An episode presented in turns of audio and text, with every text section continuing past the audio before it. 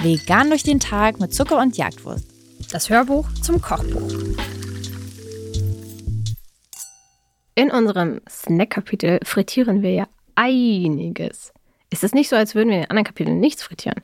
Aber hier lohnt sich es auf jeden Fall, dass wenn ihr schon das Pflanzenöl ähm, aufgeheizt habt, es einfach direkt auf dem Herd stehen zu lassen und einfach noch ein paar andere Sachen mit reinzuwerfen, wie zum Beispiel diese knusprigen Tofu-Nuggets.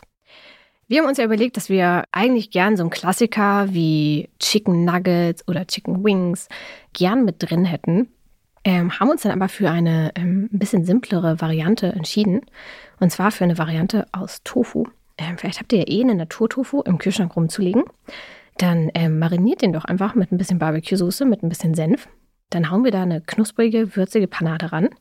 Und ab geht die Party, würde ich mal sagen.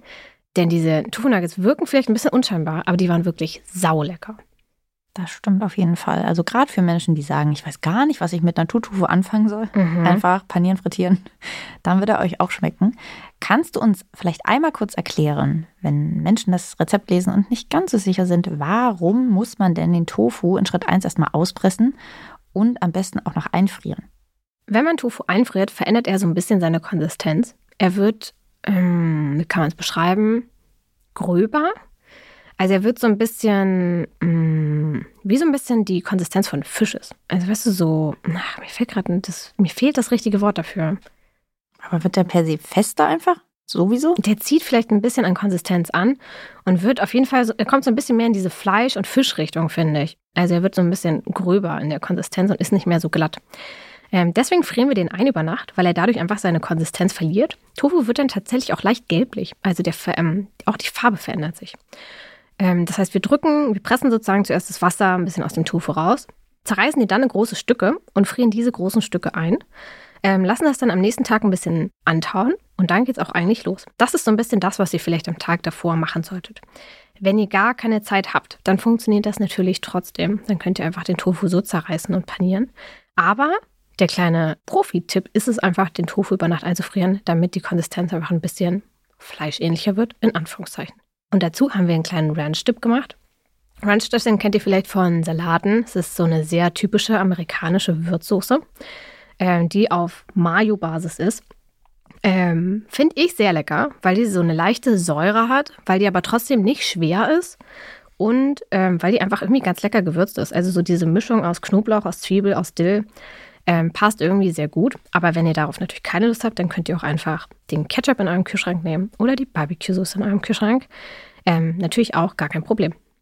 Ich würde hier an dieser Stelle, da es das vorletzte Rezept oh. in unserem Kochbuch ist und auch das letzte Rezept, bei dem wir frittieren, würde ich gerne noch eine Sache zum Frittieröl sagen. Weil ich gehe natürlich davon aus, dass ihr jetzt hier nicht durcheinander kocht, sondern ihr habt schön bei Rezept 1 angefangen und deswegen ist es okay, wenn ich diesen Tipp am Ende nur nochmal sage. Dadurch, dass wir hier viel frittieren, werdet ihr euch äh, wahrscheinlich auch fragen, was mache ich eigentlich mit diesem ganzen Öl, in dem ich frittiere? Isa hat ja schon gesagt, wir frittieren sehr viel in diesem Kapitel. Also tendenziell könnt ihr einfach noch was frittieren und dann noch was frittieren. Und irgendwann habt ihr dann aber vielleicht doch keine Lust mehr. Und was macht ihr dann mit diesem Öl? Ihr könnt das Ganze filtern tatsächlich. Das heißt, ihr könnt das, nehmt euch so ein feinmaschiges Sieb, packt da ein bisschen Küchenpapier rein und danach, es dauert leider ein bisschen länger, aber da könnt ihr das durchlaufen lassen in ein frisches Gefäß und habt dann dadurch sozusagen diese ganzen kleinen Stückchen, die sich so vom Frittieren in dem Öl befinden, herausgefiltert. Selbst dann sagt man aber eigentlich, dass man das Ganze noch circa einen Monat nochmal wieder benutzen kann. Denn irgendwann wird Öl halt einfach auch ein bisschen oll. Das heißt, für immer kann man das nicht wiederholen und wiederholen.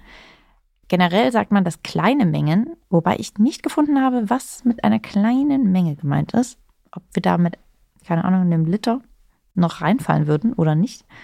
Ich weiß ehrlich gesagt nicht, was da die Höchstmenge ist, aber die darf tatsächlich in den Restmüll. Am besten aber so, dass ihr das auch in die Originalverpackung wieder zurückfüllt. Also abkühlen lassen und in dem Sinne dann in, in die Flasche zurückfüllen und dann so in den Restmüll. Ansonsten müsst ihr damit tatsächlich zum Wertstoffhof. Auch da wiederum gerne in Originalverpackung. Dann ich weiß nicht genau, wo da die Tonne dafür ist, aber wird euch jemand vor Ort sagen können, könnt ihr das dort wegschmeißen. Ich habe allerdings auch einen richtig weirden Tipp mal gelesen. Falls ihr eine Katze habt, dann könnt ihr das Katzenstreu euch klauen und könnt das Öl da drauf kippen. Also am besten nicht das Katzenstreu, das ihr benutzt. nicht in der Katzentoilette.